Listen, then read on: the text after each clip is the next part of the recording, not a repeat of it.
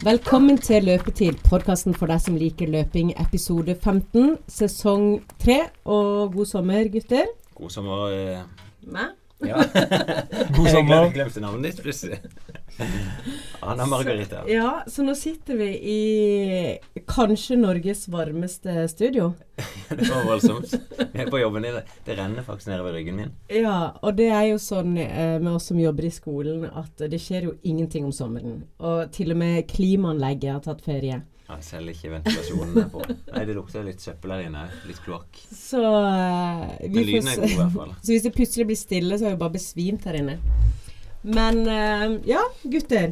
Da fikk vi til en episode nå i sommer, og det var jo litt viktig å høre hva, hva skjer. Hva holder dere på med? Eh, Ja, for min del så er det jo jobb og full gass nå fram til meg den helga før jeg skal ut i ferie. Eh, Vi er et veldig viktig arrangement på jobb, noe som heter Palmesus. Det er jo Skandinavias største strandfest. Så det er jo det er faktisk en av eierne våre. Så, og samtidig som det er en av de vi leverer mest til. Så da blir det et eh, ragnarok de neste dagene. Med, Og det blir jo veldig mye representasjon for min del. Så du ser jo jeg armen full av sånne bånd. Det er inngang til det er sponsor, sponsorfest i kveld. Og så er det inngang selvfølgelig til VIP-området. Så er det middag både fredag og lørdag. Og fest på lørdag formiddag. Så jeg må virkelig finne ut hvordan jeg skal løse dette. Men noe av det første jeg lærte av deg, Finn, det var jo først yte, så nyte. Er dette yte, eller er det nyte? ja, det, jeg tror det blir sånn fin kombo. eh, nei eh, Jeg vet ikke, rett og slett. Det blir begge deler, altså. Jeg, Ja. jeg, det, jeg gru, gleder meg litt inn til helga. Det blir fantastisk moro, men eh, det blir hardt å, å klare å holde ut. Og så skal jeg samtidig som dette jeg skal, Nå er jeg på vei tilbake og trener hver dag, og vel så det.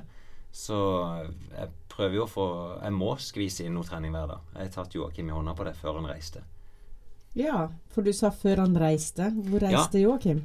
Du, han, han har planlagt dette lenge at han skulle til USA. Han og Fredrikke, som er kjæresten, og det som viste seg nå å bli kona hans.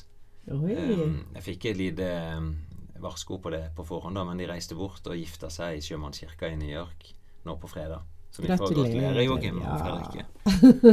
Men de gjorde det litt i, i det stille. Mm. Eh, og så fortsatte de nå etter hvert der ei uke, så er de på roadtrip i San Francisco. Oi, så fint. Så jeg fikk en snap fra han nå i natt der han satt og durt nedover de vel vestkysten. Mm. Men eh, han var jo livredd. Han, han skjønte at dette kom til å bli tøft nå for trent. Så det siste vi gjorde før han reiste, var å ta hverandre i hendene på at vi skal trene hver dag. Eh, og minimum tre intervalløkter. Så har vi i hvert fall liksom, det ligger i bånn uansett. Så for min del så er det blitt noen av de. At det er blitt 30 minutter blank. Ja. Den ene dagen så hadde jeg 29-12 på morgenen, så måtte jeg ut på ettermiddagen for å bare hente det siste. Så, ja, men da er det liksom Det blir jo litt manisk utover, men det tvinger gjennom trening, da. Men jeg, jeg er litt sånn i stuss på hvordan jeg skal klare kombinasjonen fredag-lørdag. Der eh, det blir liksom rett fra jobb til fest. Til fest til fest. Da syns jeg du skal bare legge inn en intervall på festen. Og ta bilde. Nei, det er, så jeg må, jeg må holde litt igjen og være litt fornuftig. Kommer jeg passe tidlig i seng, sånn 12-1, og så må jeg tvinge meg sjøl opp. For det er mulig å, å springe en tur før, før fest. Så det, det får jeg bare glede meg. Vi skal jo ha med Frode som sitter så stille på sida her. Han skal jo være med på fredagen. Um, men det blir ikke samme kjør for deg. Nei, jeg skal på Jeg får torsdag, fredag, lørdag formiddag, så må jeg kaste inn ordentlig. Ja, du er med selvfølgelig på det samme. Ja, vi er sponsor, vi også, i, i Misuno, så vi, eh, så vi for, for, en del av, for en del av gleden, vi òg. Men uh, det er bare å komme seg ut. Det er ikke, det er ikke noen unnskyldninger å være på fest, altså. Det, det, Nei, det er kan det vi ikke. det kan vi ikke. Så svake kan vi ikke bli. Jeg hadde jo en tur Vi, vi var en gruppe i noe som heter Nordic Arena. Vi var på Gotland her forleden. Eh, og da fikk jeg overbevist noen gamle kjente. En som heter Dag Mannerock fra Kvinesdal. Eh, gammel skiløper. Jeg vet ikke om du kjenner Ja, jeg kjenner det. Ja, ja. Eh, han i alle år Han er like gammel som meg, da. Han har alltid innbilt seg at det å trene dagen derpå, at det er ikke noe poeng.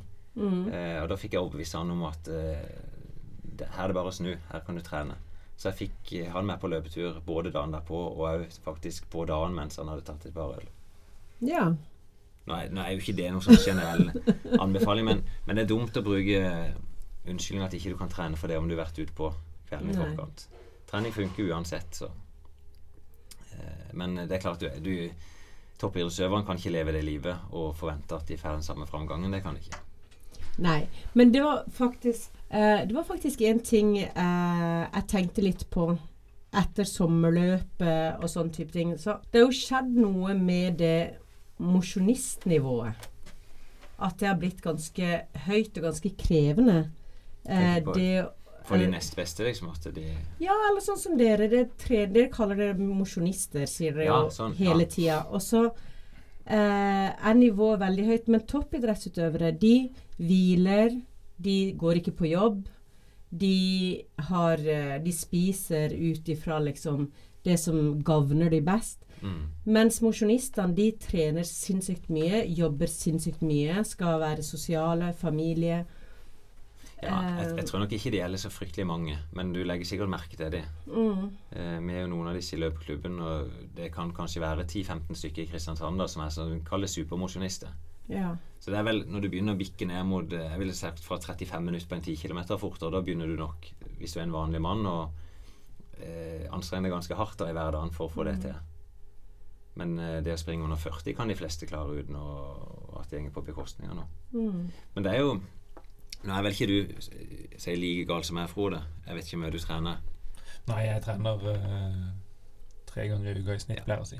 Ja, Det er jo ingen problem å få til pass inn. Problemet blir sånn som er det når jeg begynner å sette meg mål og skal trene hver dag, og av og til to økter om dagen, så må du plutselig begynne å, å skvise det inn på et tidspunkt som ikke det passer. ja. Og, ja, og det er ikke alltid gøy, men det er liksom for noen målene så må en gjøre det. Men er Men ikke det. er det Tenker du Når du tenker trening, er det et helseaspekt i det, eller er det kun eh, tall og mål og Å nei, jeg vet det. Det er, det er så mange ting. For det er jo Det ender jo ofte når jeg går inn i disse verste periodene, så er det fordi jeg satte et ekstremt mål. Mm. Og da er det liksom Jeg gjør alt det som skal til for å nå det målet. Eh, og da er det nok ikke noe helseaspekt til slutt. Også men jeg er veldig glad i å trene. Det er jo mitt sosiale liv, nærmest. Så jeg, jeg prøver å springe enten sammen med noen, eller så springer jeg og hører på podkast.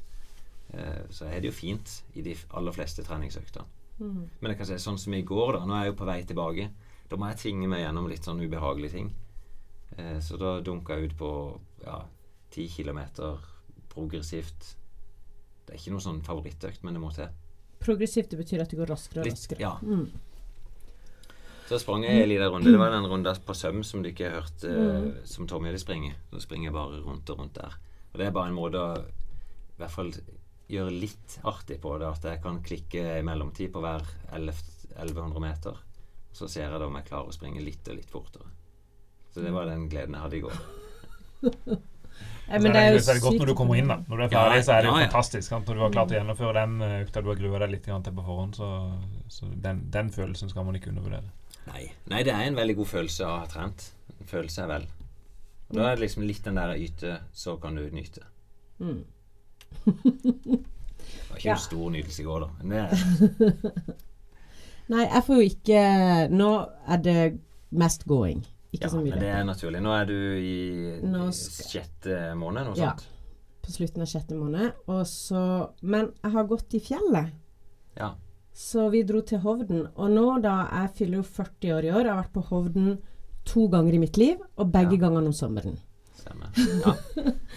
Men Så det er, det er vel like fint på fjellet på sommeren, da. Ja, ja. Ja. Det er jo ikke noe sånn der eh, Jeg prøver jo liksom å finne den følelsen, da, med at det er veldig fint å gå i fjell og sånn. Jeg har ikke helt skjønt greia, men uh, Nei, bare det å oppleve fjellet. ja. Nei, jeg skal ikke være noe sånn forkjemper for det, men jeg syns jo sjøl det er fint å gå i fjellet. Ja, det er hyggelig, men uh, vi, vi skulle gå opp skitrekket. Fant han som jeg gifta meg med ut at det var Ja. veldig lurt. Ja, Men han er vel litt mer sånn konkurranseinnstilt, han. Å sette seg et mål, Ja. og så er det å gjennomføre. Så man skal jo liksom nå noe, da. Så det å slite med 10-12 kilo for mye opp skitrekket Og man skal jo selvfølgelig ikke ta heis. Han gikk kanskje dytta det. Nei, han gikk foran. Men eh, det var, det var god trening for meg, i hvert Det er jo fantastisk trening å bare gå. Ja. Ehm, det er jo faktisk disse kappgangtrenerne De anbefaler jo mange av løperne at de burde erstatte en del løpsøkter med gåing. Ja, At, eh, og vi vet det- Eh, mange av de beste japanerne, for å få nok mengde, så Mm. driver de med kappgang og gåing som et supplement. Så vet vi at sånn som jeg husker, Vebjørn Rodal var jo veldig aktiv på høsten på jakt og brukte det som trening. Ja. Så en skal ikke kimse av det. Vil tippe dykke oløpere er kanskje ikke gåing i terrenget. Dykke springer vel. Ja, vil mest i terreng, men jeg tenker at sånn for, eh, for, eh, for oss mosjonister så er jo det å komme seg ut og gå på tur eh, på sommeren i fjellet en fantastisk mosjon og, og trening. Ja.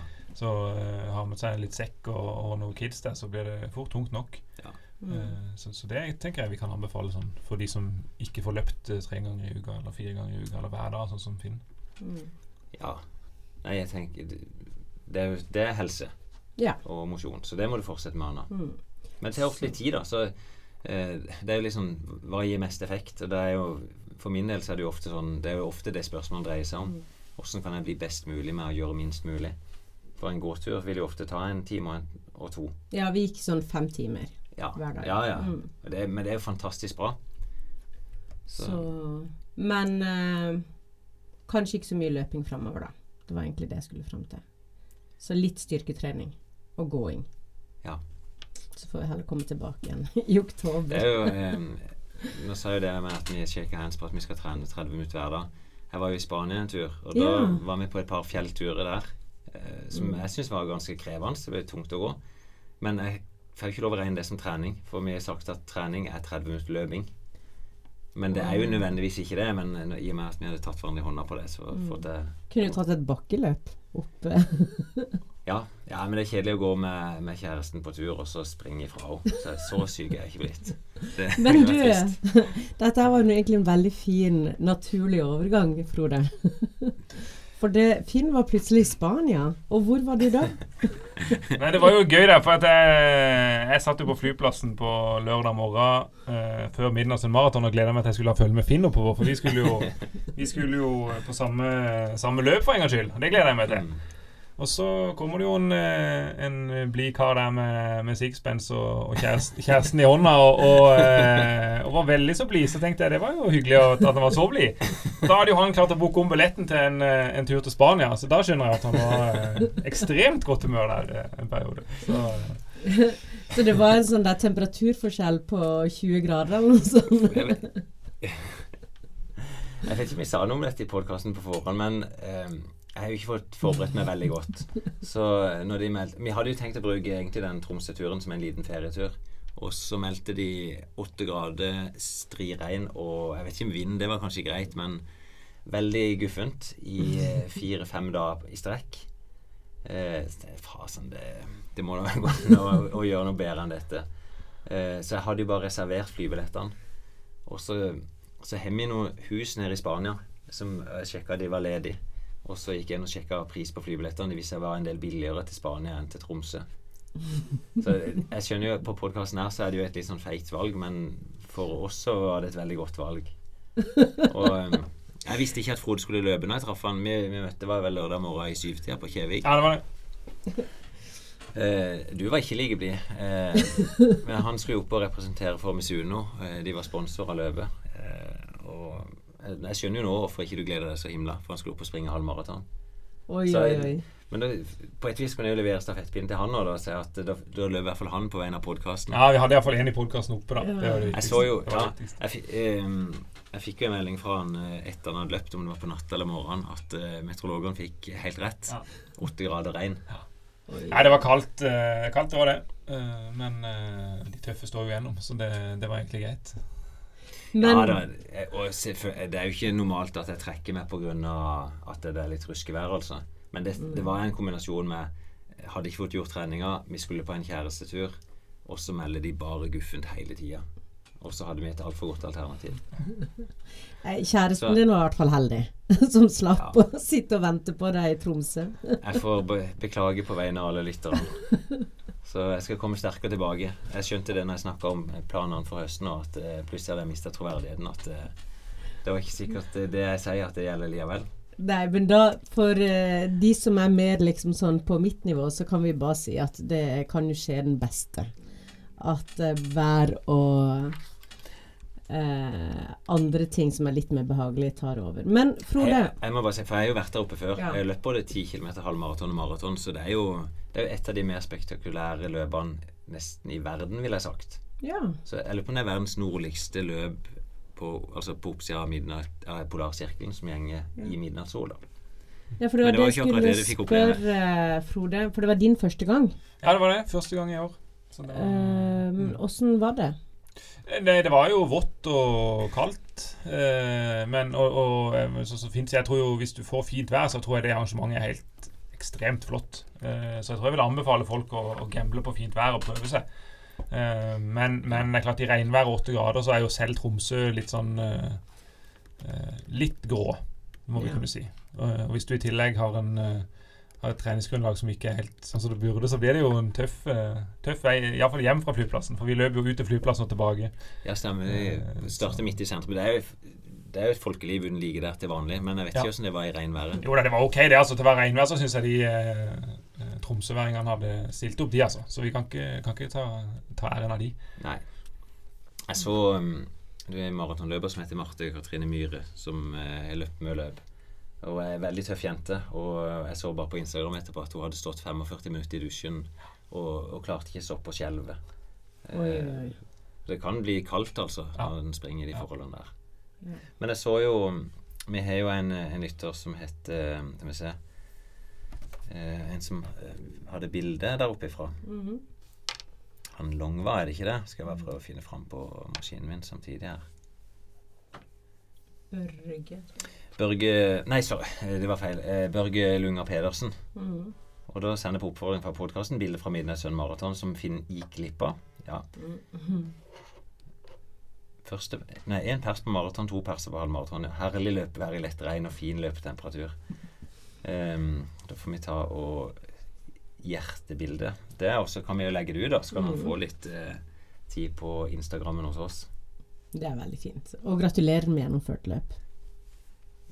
Gratulerer, Frode. Men Ja, eh, ja, det var som jeg, ja, takk, takk, du sa ikke tida åssen det gikk, gjorde det? Sånn, jeg vet ikke hva målet var på forhånd. da Nei, jeg, jeg hadde vel Jeg har aldri løpt halvmaraton før på vei, så jeg, eh, jeg hadde vel kanskje et håp om at jeg skulle løpe sånn i en 30 eh, Og på 11 km lå jeg perfekt på det skjemaet der. Og så ble det litt, som sagt, litt tungt på slutten, så jeg endte vel på 1,32. Oi, Ja, det Det er er jo jo bra. Du er i god form, da. det er Jo da, det er vel ok til å være et tynt grunnlag. En, eh, jeg bare tenker om vi blir det på kilometeren. En, det er 4,18 kanskje, noe Ja, sånt på kilometeren. Det, det syns jeg var kjempebra. pes. Men åssen var det da, du som er vant til å løpe i skog og mark og lyng og sånn. Var det, Syns du det var tøffere mentalt å være på asfalt? Eh, ja, det var det. Eh, jeg jeg syns det faktisk var litt kjedelig, hvis jeg lov å si. Ja. Altså Når jeg kom til sånn 4-5 km, og, og liksom, det var ikke en snart mål, og det var ganske langt til halvveis, så syns jeg det var liksom litt sånn noen, noen lange kilometer der. Som på en måte bare måtte gjøres i en sånn fart som du ja, Som er litt vondt hele tida, men, men du må bare gjøre det. Ja. Eh, så, så det var mentalt var det tøffere enn en, Jeg, en ja, jeg tenker ofte at halvmaraton er ganske behagelig. I hvert fall 10-12-15 km. Ja. For jeg tenker at du ligger akkurat på ei behagelig fart. Ja. Ligger jo rundt opp terskel. Jo da, du gjør det, men det liksom, du kan ikke løpe noe fortere heller. Så du, Nei, du, du du blir løpende sånn i sånn fart som egentlig er litt sånn Ja, sånn halv ubehagelig. Ja. Det stemmer, det. Så, så det var egentlig Men jeg, jeg har ikke gjort det før. Jeg tror for, for folk som Altså Hvis du trener på det, så tror jeg det blir en helt annen opplevelse. En mer positiv opplevelse. Det er jeg ganske trygg på. Ja, og så er det Jeg skal ikke disse regn, men liksom åtte grader regn, det gjør noe med opplevelsen uansett. Ja. Det, og du får jo ikke noe publikum, vil jeg tippe, som sitter høye For når jeg har løpt her før, så har det i hvert fall vært oppholds og, og greit. Og da sitter det jo folk langs veien på hele veien ut mot flyplassen. Mm. Og retur, selvfølgelig. Nei, klart Hvis du er veldig veldig god, og så er sikkert det et vær som er sånn fint sånn for kroppen og temperaturen og sånn, Mm. men for meg som er på en mosjonistnivå, så er det jo Jeg vil jo mye heller hatt sol og litt varmt enn en regn og litt kaldt. Ja. Det sånn? Alle vil det. Men jeg, igjen, da, for bare beklage at jeg ikke stilte opp. Men nå fikk jeg i hvert fall oppleve sol og varme. Ja. Det er en ganske spesiell overgang. Du, du, det er jo et sommer her, men ikke vært eh, de store temperaturene. Men kom ned til Spania, og det er 30 grader. Så er det ganske krevende de første dagene å trene i den varmen. Mm. Og vi har jo Nå har jeg faktisk ikke fått med meg Vi er Thomas Øderud som har vært og løpt bort i USA. Jeg tror det er noe sånn Western State Et eller annet løp. som man skulle springe 100 miles i eh, ja, nærmest sånn eh, ørkenlandskap. Oi. Så jeg tror de kan risikere ja, mellom 30 og 40 grader på det verste. Eh, Så han har drevet og forberedt seg i badstue.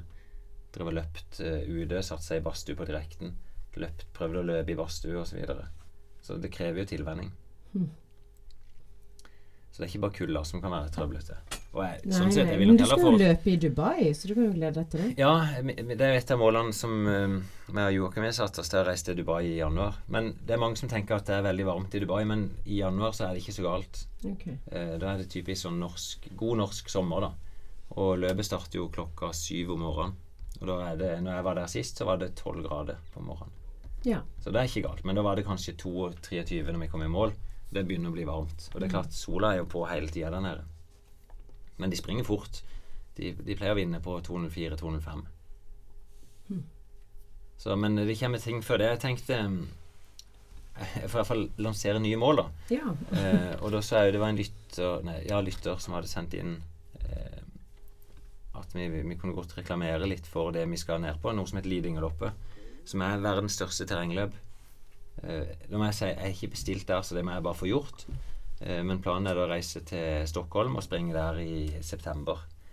Eh, og det er jo arrangement Jeg vet ikke om orienteringsløperne reiser vel kanskje òg der? Ja, det er noen som, som drar dit og løper det. Ja. For orienteringsløpere løper når det ikke er noen poster også? Til og med da.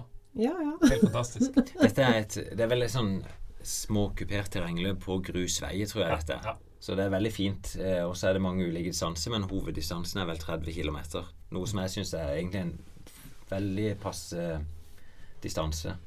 Og da er det Vi kan godt gjøre noe ut av det. En som heter Erik Adler, han bor i Stockholm, og han sier at vi må bare ta kontakt med han for å få litt mer info. Så kanskje vi kunne intervjue han litt og, og lage Ja, en sak rundt det. For det, det, planen din er å dra ned dit? Ja. Sånn at du skal løpe og Det er det jeg trener mot sjøl nå. Mm. Eh, vi vil òg snakke om kanskje prøve å være i god form til Oslo. Og springe Oslo Mm. en eller annen distansene der. Springe i, i Lidingø. Og så prøve å bygge gradvis opp mot eh, maraton i Dubai. Mm. Og sagt eller noe tilsvarende. Jeg syns det, er- det er frister mer å finne noe annet. I og med jeg har løpt i Dubai før. Og så har nok Joakim lyst å reise til Dubai, så vi får finne ut åssen Ja. det blir. ikke New York gjør. Nei, det er, du må bestemme deg så tidlig. Altså, jeg måtte bestemt meg i januar for å ha vært med der. Og nå har jeg jo løpt fem år, så jeg tenker at nå er det på tide å se på andre løp. Det var en knallavslutning i fjor, da. Du var så dårlig. Ja, faen, ja, ja. Ja, nei, det er litt sånn kjedelig med maraton der at du kan trene godt, og så Der ble jeg jo syk og sprang med feber, og det det ble, ikke, det ble ikke kjempegøy på slutten Nei. eller etterpå. Men det er en opplevelse uansett. Mm. Så det er bra. Men har vi, noen, vi har jo noen andre som har sendt inn eh, spørsmål til oss. Ja, vi kan godt gå på det. Eh, for vi har et par andre saker som vi skal innom Mm. men eh, vi kan ta ei som heter Nå håper jeg at eh, Elise eh, Ja, vi får si navnet Elise Stordal. Hun er søring som bor i nord, ser jeg. Eh, takk selvfølgelig for eh, podkast og, og finne løpegleden og, og, og motivere dette her. Hun bruker oss på løpeturene. Det er jo hyggelig. Eh, imot Ja, se her, vet du. Mens jeg har trent mot mitt mål i år, halv maraton under 2,30 på Midnight Sun Marathon, og i motsetning til Finn, trosset jeg vær og vind. Ja. Gjennomført et strålende løp i Tromsø, ble ny pers på 2.08,49. Forbedring på nesten 15 minutter fra samme løp i fjor. Det var fantastisk. Det er bare å gratulere, Elise. Og hun bobler over av løpsentusiasme, og et spørsmål etter løp hvor, hvor man har tatt seg helt ut, hvor lenge anbefaler du å ta det litt roligere før man kommer seg opp på samme treningsnivå som før løpet? Det er et greit spørsmål. Åssen er regelen der? Er det ikke Nei, kan- en dag på kilometeren? Ja, men vi, for vi har jo vært innom dette før. Ja. Det er jo en veldig generell regel. Som jeg sier Ta det i hvert fall som en sånn utgangspunkt at for hver kilometer du har løpt, hvis du har tatt det helt ut, vel å merke, så kan du regne ca. én restitusjonsdag, altså én rolig dag, før du er helt tilbake. Så betyr ikke det at på en halv maraton, da, som er 21 km, at du må jogge i 21 dager. Men du kan nok regne at det vil gå opp imot tre uker før du er helt tilbake på topp igjen. Mm. Det kan du. Og etter et maraton så ser vi at det kan gå si, nærmere en måned før kroppen responderer godt. Mm. Og vi ser at de som konkurrerer seg på maraton hver måned, at det kan bli trøblete. At du er faktisk ikke restituert. Husker du han vi hadde som løp ett maraton om dagen? Ja, men det som skjer, du blir jo dårligere og dårligere. Så det er jo ikke Ja. sånn at du blir sprekere og sprekere av det. Da, da må du springe rolig i så fall og tilvenne deg over lang tid. Mm. Men det er jo et sånn litt vanskelig spørsmål, for hvor fort skal du gå tilbake i vanlig trening? Og jeg husker jo for noen år siden jeg var med Sondre Nordstad Moen ble europamester. Det var U23 på 10 000. Dagen etter løpet da sprang han to langturer på to timer. Men så tok han to dager fri. Så det, det er litt forskjellige måter å løse det på, men det normale vil være at du, du jogger et par dager, og så begynner du med forsiktig intervalltrening. Og sånn som hun um, Elise, da, som har løpt en halv maraton, så ville jeg nok Jeg ville tenkt den første uka så trenger ikke hun noe intervall. Da er det bare et par fridager, og så begynner hun å jogge litt, og så uke to så begynner du forsiktig intervall. Men ikke begynne full trening før du kjenner at beina responderer bra. Jeg vet ikke hvordan du tenker da etter et sånt løp. Jeg kunne jo ikke gå eh, før onsdagen der etter jeg hadde løpt, så jeg hadde ikke så mye valg. Men, eh, men jeg tenker at de fleste undervurderer nok kanskje den tida det tar å restituere seg. Iallfall hvis ikke man er veldig godt trent. Ja. Eh, og nå skal vi komme litt tilbake til noen andre podkaster, men, men eh, de som trener eh, supermosjonistene som i dette her Breaking Marathon Limits, som er en, en annen eh, veldig fin podkast som vi skal snakke om etterpå, den, de eh, har jo en hel episode om dette, og, og, og snakker vel også om liksom bruk tid på å komme tilbake, særlig etter maraton. Ja. Og det, det er jo forskjell òg hvis du har løpt gateløp kontra du løpt et orienteringsløp. Jeg vil tippe Springer du i skauen, så opplever jeg at det, det er veldig kort restitusjonstid. Ja, det er jo en annen muskulær belastning. sånn at ja. den, de slagene du får på asfalt, er jo helt annerledes enn det du vil få i, i skogen. Ja, og, og det er faktisk litt rart òg. Jeg har jo ikke løpt disse ultraløpene sjøl, men vi er jo sånn som Erik Bergåsen i klubben vår. Han springer jo både maraton, men òg 100 km. Og han sier han opplever at uh, han restituerer seg kjappere etter en 100 km enn etter en maraton. For at det blir en helt annen fart. Eh, så du er nok, jeg vil sagt 10 km halvmaraton, maraton, der du er oppe i høy fart og, pushe over tid. Det er kanskje det som belaster mest. Ehm, jeg kan se hun, hun skriver noe mer her, som vi ser. Hun håper i hvert fall å se både Finn og Ana i Midnattssola i Tromsø neste år. Det hadde selvfølgelig vært gøy. Hun, hun skal springe et nytt halvmaraton i midten av september og håper hun kan nærme seg den magiske totimersgrensa. Og om det er for ambisiøst. Uh, det er det jo definitivt ikke. Du kan forbedre deg fint åtte minutter i løpet av tre-fire måneder. Så vet jo ikke jeg akkurat hva hun har gjort. Hun, hun skrev hun har løpt 35-40 km, 3-4 økter i uka. Ja, hva anbefaler dere meg å legge opp treninga de neste ukene? Oh, jeg tror ikke vi skal ta alt det akkurat nå, men jeg kan godt svare deg på, på spørsmålet direkte i innboksen her, Elise. Mm, fint. Jeg tror det er ting vi har vært innom ganske mange ganger. Jeg tenker, Nå nevnte jo um, Frode 'Breaking Marathon Limits'. Mm. Eh, det er en podkast som Jan Post og Christian Ulriksen lager. Jeg vet ikke hvor lenge de holdt på. jeg. Er litt, blitt litt oppmerksom på han de har jo eh, et siste. prosjekt de, har, de hadde jo, I fjor hadde de jo et prosjekt som var sånn uh, sub 230, som de hadde en gjeng hvor Jan var, var sentral. Og så har de jo etablert dette prosjektet nå som heter Breaking Marathon Limits, som, som i utgangspunktet ikke er noen podkast, men, men så starta de med noen episoder, og så nå tror jeg de kommer til nummer seks eller syv, og, og har vel blitt litt bitt av basillen. Og, og eh, når du har noen timer på fly i Tromsø, så, opp til Tromsø, så var det iallfall veldig motiverende for meg å sitte og høre på, på alle gode råd og tips og tanker og ideer. Og, og sånn. Ja, og jeg synes det, de er flinke òg. Jan Post jobber jo i NRK. Og det er han som kommenterer både langrenn og friidrett på NRK. Sven Messe, Christian Ulriks Altså, Jan er jo god løper sjøl. Faktisk sier når vi var i New York, så var vel han beste norske løper i New York Marathon. Sprang på 2.32-2.33, var det kanskje. Også Christian Ulriksen er en sånn Det er ivrige supermosjonister som vel definerer seg sjøl som helt talentløs, men springer likevel sprang vel på 31 under 40 på 10 km i Tromsø. Ja, har vel også 2.22, har ikke det? På, 2,22 på maraton. Så det er jo dyktige folk. Ja. Men det de litt av konseptet på som de har gått inn på nå da på podkasten, det er å intervjue eh, ja, litt en legende innenfor løping. Eh, for jeg tenkte vi kunne gått inn og hørt, da. Eh, her eh, snakket jeg med Sindre Burås, som var i hvert fall inntil nylig da Norges nest beste, Nordens nest beste 5000 meter løper og sprang på 13,11 i sin tid, som er ekstremt bra. Men da har de en times tid da, sammen med han. og oss som på en måte prøver å bli bedre, men som vi Her hører du stemmen til Christian liksom Ulriksen. Syns du at vi egentlig bruker Du hører han er fra Nord-Norge. krefter og tanker rundt den der rolige løpinga? Eh, ja, der syns jeg at jeg føler at jeg må si ja. Eh, men det er, dette er jo en veldig komplekst eh, situasjon og spørsmål, og, og hver enkelt person er jo forskjellig, men eh, Jo, men her må vi generalisere og feie alle over en kam. Det er eneste Ja. muligheten vi har. Ja, jeg tror, jeg tror nok mange stresser unødvendig. Eh, og det er viktig å, å rett og slappe av litt og prioritere de øktene og den treninga som, som gir utbytte. da. Og, og rett og slett være klar for det. Eh, og, og i hvert fall ikke henge seg opp i eh, at man skal bli sett på Strava, og at det er viktig å holde en 4.30-fart på, på kilometeren. At jeg, jeg syns det er veldig viktig at man er, har et avslappa forhold til det, koser seg når man er ute og løper, og prioriterer de, de øktene som, som gir et utbytte. Eh, og det er, eh, man blir ikke god på å løpe maraton av å jogge fem blank, men man blir god av å være uthvilt og klar for en ny hardøkt. Det var jo godt. Det er kloke ord fra Sindre. Eh, men det er i hvert fall eh, hvis folk er på jakt etter løpepodkast Jeg var ikke så klar over den sjøl før nå nylig. Så det heter bare 'Breaking Marathon Limits', og så er det bilde av ser ut som en sånn maratonløper i gult, grønt og rosa. Hvis de søker den opp. Ja. Uh, og der ligger litt ulike episoder. Som jeg sa, jeg har hørt en fantastisk episode med Jack Waitz. Der uh, han snakker om treninga til Grete. da De går gjennom treningsdagboka og ser hva de gjorde.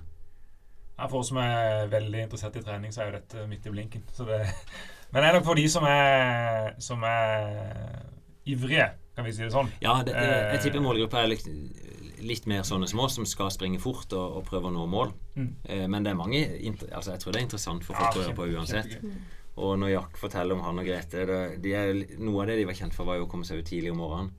Jeg syns en fin eh, eh, episode han forteller om de var i St. Moritz og de var på treningsleir. Skulle ut på en langtur tidlig om morgenen. Og de var jo ofte trøtte som alle andre da på morgenen, og de, de sprang ut. Og så syntes de etter hvert at det var litt vel mørkt. Og så kikka de på klokka, og så så de at klokka bare var tre på natta. De trodde, eh, de trodde de hadde våkna til alarmen, men det var feil. Så da måtte de bare inn igjen, for de skulle jo løpe egentlig i terrenget etter hvert. Men eh, Så de måtte bare restarte den økta. Som en Det tror jeg aldri kommer til å oppleve. Nei, det gjør ikke det. Men, men det er jo litt det Sindre var inne på noe, jo liksom forskjellen på å være en mosjonist og en, eh, en som satser så hardt. Han la jo opp han for det er vel tre år siden. Da var han kanskje 27 år. 26-27 år. Ganske tidlig, vil en tenke. Men når en vet hva For et enormt arbeid de legger ned for å nå det nivået de gjør, så skjønner jeg jo sjøl at det, ja, det blir nok en, da. For Sindre så ble det nok. Ja. Og da er det vel litt det der med at når du får nok, og ikke bare liksom stoppe helt Ja, Og klare liksom å Det er nok litt forskjellig hva, hva gamle idrettshelter gjør. da. Noen legger bare ting på hylla og egentlig fått det så opp i halsen at de slutter. Mens andre klarer selvfølgelig som å holde et litt sånn mosjonsnivå. Sindre er jo, han satsa litt på sykkel et år, og så, så holdt han et bra nivå. Jeg så nå skulle han være fartsholder på et eh, 3000 meters hevn på Bislett til 8,30, som er ganske bøst for de aller fleste. Det er jo sånn semi ikke elitenivå, men det er liksom akkurat i overgangen. Det er sikkert som de beste orienteringsløperne i verden. De, de ligger på det nivået, på enten 3000 på bane. ja. Men du, når du snakker om Bislett, så var det jo disse her eh, Ingebrigtsen-brødrene. Eh, Ja. Hvor det var, ble sånn disputt om at eh, brødrene var litt uenige med far i forhold til taktikken til Jakob. Ja. Eh, hva tenkte du om det? ja, nei, det er vanskelig. Det, det er klart eh, Faren eh, I utgangspunktet de har hatt stor suksess med med å bare ligge på lista, være passive i starten. For ofte så ser en at eh, eh, det går litt for fort i starten på de fleste løp, og det er veldig mye krangling i feltet. Hvis du da ligger litt passivt bak, så kan du komme på slutten og, og ha muligheten til å avgjøre løp. Og så er vel erfaringa til Philip etter hvert at hvis du skal være med å vinne, så må du òg være med å ta den fighten. Eh, så der er det liksom diskusjon. Det er sånn diskusjon de vil alltid ha gående som gjorde det rette nå. Eh, jeg kjenner jo litt fra før disse gutta, og de, de elsker jo disse diskusjonene Ja. og, og gjør taktiske vurderinger. Eh, og så må vi huske at faren får stukket en mikrofon rett opp i trynet idet gutten kommer i mål. Da er han full av ideer hva som burde vært gjort annerledes. Så. Nei, jeg tror det er viktig å prøve, prøve ulike taktikker, så, så blir de gradvis bedre. Men altså på sånn baneløp så er det veldig mye taktikk. For det om det er et langt uh, løp. Ja, ja, men det er litt sånn at hvert løp lever sitt eget liv der, og du vet aldri på forhånd om hva er den rette taktikken. Eh, men det en alltid vet, at det lønner seg å springe kortest mulig. Eh, Ja. Hvis du springer i bane to, da, gjennom hele Altså i på én runde så springer du syv meter lenger enn de andre. Mm. Hvis du klarer å ligge på lista. Så det, det handler jo om det. Og så handler det om å ikke være i de store slåsskampene, og det handler jo om å ikke bli sperra inne. Mm. Eh, du ser det kan, Hvis du ligger inne på lista, så risikerer du fort at plutselig er det to mann foran deg, to mann på sida der, og du kan ikke komme noen vei. Og der har jo de gutta gambla litt. Og husker jo Philip for vel, var det to år siden. Han ble diska da. For det han prøvde Han så jo ingen annen vei enn å måtte tvinge seg gjennom to. Mm. Og det klarte han, men da ble han diska. Men kan de ikke gjøre det på en litt sånn ryddigere måte? At alle må holde sin bane? Og Ja, du springer jo inn til lista, så du springer rundt en sving. Så det er jo, du plasserer deg sånn som du ønsker. Mm. Så du kan jo fint ligge i bane tre, men da springer du så mye lengre. Ja ja, men jeg tenkte at de kunne alle ligge i sin bane, og at uh, målet var på forskjellige steder, da. Etter hvor langt de hadde. Ja, men det er jo noe av det som er gøy med de, de her løpene. Det er jo den konkurransen og dette spillet. Mm. Men du ser på de kortere distansene, sånn 200 og 400, så springer de jo i hver sin bane. Mm. Og kommer inn til felles målstrek. På 800 så springer de i hver sin bane første sving. Ja. Bare for at det skal bli rettferdig og komme likt ut. Og så på alle andre lengre løp så starter de på strek. Og da er det bare slåssing. Mm. ja jeg, har, jeg prøver jo å lære litt når jeg ser Ja. på dette. Nei, ellers så Kanskje vi skulle tatt litt om sommeren og sommertrening. Ja. Det er sånn, jeg kan si, I hvert fall i forhold til løpeklubben så er det ikke sånn at vi tar fri på sommeren. Sommeren er jo en fantastisk tid for trening. Men så er folk er på ferie. De, det er jo ikke den vanlige hverdagen. Så vi legger opp til at uh, vi har bare sagt her er en ukeplan som vi repeterer fire uker på rad for å gjøre det enkelt. Det tenker jeg, For mange så kan det bare være en sånn enkel ambisjon. Da har jeg sagt, sånn som vi gjør det, da, at vi legger opp til tre intervalløkter. Det er typisk ei lang intervalløkt hver mandag. Eh, Og lang intervalløkt det er, ikke, det er ikke noe fasit på hva det er, men som, hvis en tenker veldig enkelt, så kan du tenke 1000 meter eller tre minutter. Det er greit. Mhm. Det høres veldig fort ut for deg. Ja. Jeg klarer heller ikke å springe 1000 meter på tre minutter, men om det er tre eller fire minutter, og så at du i hvert fall springer da i ca. 30-40 minutter med intervall, Mm. det er sånn typisk eh, Vi kaller jo sonen tre-økt, men ligger rundt halvmaratonfart. Så jeg vet ikke om dere gjør med det, men for en friidrettsløper så ligger det litt i bånn at du må ha sånne terskeløkter. Mm. Det snakker jo Sindre en del om òg. De hadde jo ekstreme mengder på terskel. Og kunne være på det meste oppi i 80 km i uka. På, altså omkring anarob terskel. Som Og det er- en sånn midtøkt, som du pleide å si. Det er ikke den høye høy det er- det er det, er følelsen det er Egentlig litt det som Frode beskrev på den halve maratonen, at det er sånn halv ubehagelig. Du er ikke oppe og pusher og har det virkelig vondt, men det blir tungt fordi at du holder på lenge. Mm. Og så er vi lagt opp til ei økt på torsdag. Der springer vi på banen. Springer 400 meter. Og da typisk så springer vi kanskje 15 stykk eller 20 stykk der vi starter moderat, men vi avslutter hardt. Mm. Så at de siste ti da er de oppe i sone 4 og sone 5. Så det kan være lurt å ha ei økt i uka der du pusher på litt. Mm. Og det er en hard økt. Det har økt. mm. Ja. Og så, i hvert fall sånn vi har lagt opp til nå, så Tommy de startet et initiativ med intervallet på lørdagen. Jeg ville normalt sagt det kunne være lurt å ha hatt det som er kontinuerlig økt. At eh, Dropp pausen, men heller gjøre ei liksom, ærlig økt, der du springer moderat progressivt, sånn som jeg gjorde i går. Mm. Eh, det er ingen pause å gjemme seg bak. Og så tvinges du til å måtte disponere kreftene på en god måte. Mm. Men da er det liksom en fin miks med lang intervall, kort intervall og ei kontinuerlig økt. Mm. Og hvis du har gjort det tre ganger i uka, hvis du gjør det, Frode, så springer du fortere enn Ja, 1,32. ja, løper du fortere og fortere. Men det er klart, det, det er jo det Sindre var litt inne på på det vi hørte der, at det er jo de øktene som løfter deg. All den jogginga imellom, det er mer liksom vedlikehold, gjøre deg i stand til å tåle trening. Um, men det er ikke det som nødvendigvis løfter nivået. Men så, så hvis du er, skal trene lite, så må du jo prioritere å trene hardt hvis du er høye mål. Mm. Det andre er å samle kilometer i beina. Ja, og det er klart, skal du springe halvmaraton og maraton, så må du, du må være sterk nok til å tåle det. Mm. Og da må du ha løpt med Du, du kan ikke forberede deg til et maraton med å eh, sykle, f.eks. Eller springe bare korte turer. Da, da holder du ikke muskulært. Mm. Så det er jo det er, Til og med du har sagt at eh, du må gjøre det du skal bli god på. Mm. Det er bra jeg har fått noen sånne ting som jeg kan bare repetere. Sånn at Ja. Men det er klart for eliteutøverne de har jo sitt faste opplegg, men for en mosjonist så må en jo bare tilpasse dette inn i hverdagen. mm. Og det er litt sånn når jeg var i Spania, så eh, noen dager blir det på morgenen, og noen dager blir det på ettermiddagen. Mm. Eh, og så prøve, prøve å ta hensyn til de rundt deg. Det tenker jeg er smart.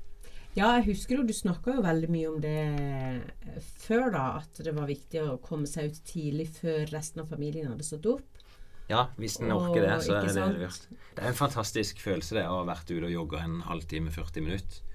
Eh, og komme tilbake, sette på en kaffe og sitte på verandaen i soloppgang. Og så Mm. Men det, det koster veldig mye å ligge i senga og se for seg at du skal ut og gjøre akkurat dette. Ja, det gjør det. Men jeg tror den der, det, det, altså, det, det, du må være fleksibel, men samtidig så må hvis en skal gjennomføre de øktene som du snakker om nå, så må det planlegges også i ferien. Altså Det må måtte Ja. være en tanke om det.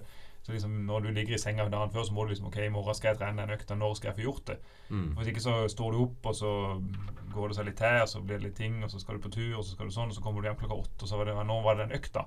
Mm. Da blir det tøft, ikke sant. Ja. Så du må måtte ha mentalt innstilt deg på at ok, da må jeg få gjort den økta på et eller annet tidspunkt.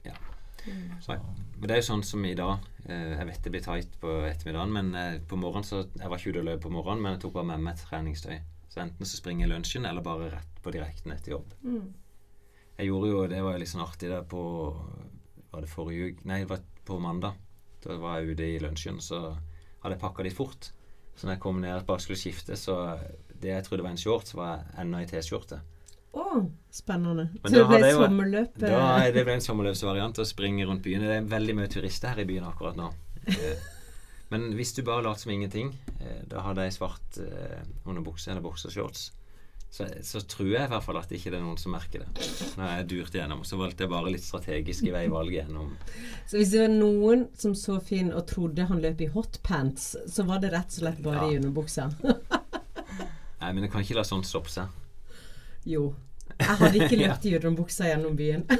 det hadde jeg ikke. Det, det, ser jo ut som nesten en kort tights. Eh, Det tror menn. Veldig ofte. Men det er ikke sant. Nei, det er ikke sånn det er. Nei. Det er liksom sånn Nei, jeg kan bare bade i underbuksa, eller det, det ser jo ut som en shorts, men det gjør ikke det. men det, det, var sikkert gøy for de som så det. Helt Og veldig sprekt. Du, jeg tror vi skal videre. Eh, Jeg ser det poppe opp noen varsler på noen nye møter som jeg skal bort på. Ja, og du må jo lade opp til den yte-nyte-dagene du skal ha. Ja, nei, jeg blir ikke med oppladning til det. Men nei da, det skal komme greit igjen. Men det er godt å høre du er Frode. Det skal på egentlig samme opplegget fram til lørdag. ja, det blir full kjør fram til lørdag formiddag. Jeg, kan, nå, jeg skal ikke spoile for mye rundt Joakim, men han hadde jo denne komboen for noen år siden. Og når han kom til lørdag ettermiddag eh, da, Det er en sånn kundemiddag til slutt. Da kom han inn, men ble geleida stille og rolig ut igjen av lokalet. det hadde blitt for tøft. For han har trent for mye imellom, sikkert. Ja, ja, ja. Sikkert litt Sikkert det. Ja, men Og det faktisk det ene året, da var vi Det er helt brutalt. Det var det samme året. Eh, fredag, rett før han skulle ut eh, igjen, så var vi nede på stadion, så løp han 8-300-metere. 9-300-metere i 800 meter fart. Og pusha seg med piggsko så han lå spøy ned på banen, og så rett på fest. Så det, komboen der er jo ikke noe god. Og akkurat der så kan du stille spørsmål om om du vil ha gode effekter av disse øktene. Men han Tross alt da, så sprang han på 1,59 på 800 meter et par uker etterpå. Mm. Eller uka etterpå, var det vel faktisk. Så det, det er mulig hvis den vil nok. Mm. Men jeg, jeg prioriterer ikke de ville øktene der eh, de neste dagene. Det blir å komme seg ut. Ja, men da gleder jeg meg til å høre åssen det har gått, for jeg skal ikke på noe fest. Så Det skal du ikke. Nei. Men da får Du, du ha god fortsatt trening, fin så- eh, ferie, og god trening til dere. God sommer. God sommer, og vi høres nok igjen i løpet av sommeren. Ja. Ja.